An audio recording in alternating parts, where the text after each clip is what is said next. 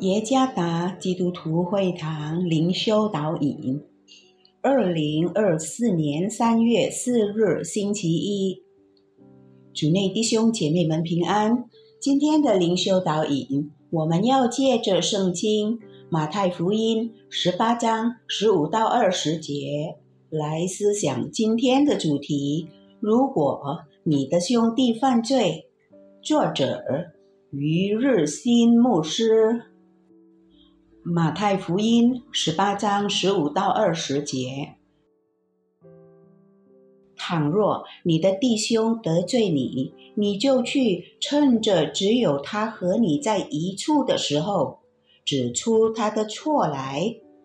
他若听你，你便得了你的弟兄；他若不听，你就另外带一两个人同去。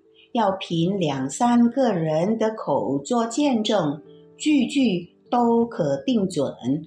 若是不听他们，就告诉教会；若是不听教会，就看他像外邦人和税吏一样。我实在告诉你们，凡你们在地上所捆绑的，在天上也要捆绑。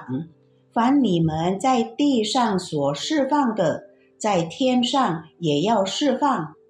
我又告诉你们：若是你们中间有两个人在地上同心合一的求什么事，我在天上的父必为他们成全。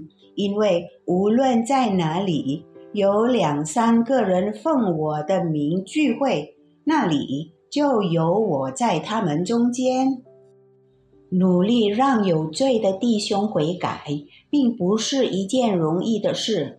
如今，在许多情况下，犯罪的人宁愿离开信徒团体，而不愿与教会团体中的信徒一起解决他们的罪过。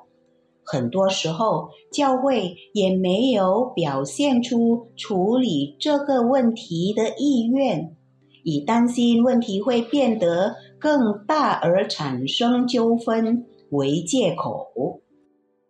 然而，圣经原则并非如此。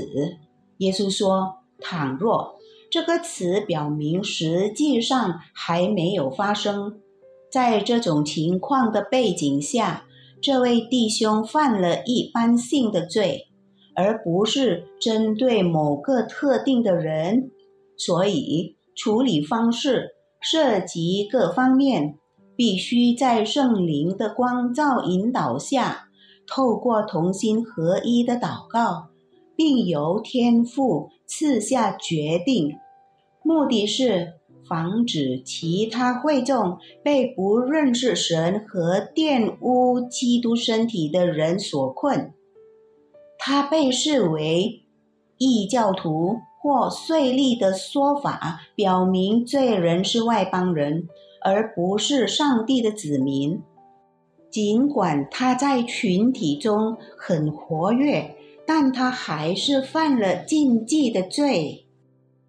请注意。神渴望所有罪人悔改，并得以复兴。在使罪人得以复兴的事上，教会必参与，而不是忽视他们。我们被要求表现出关怀的态度，就像我们的天赋关怀一样，关心、认真的对待群体中发生的罪恶。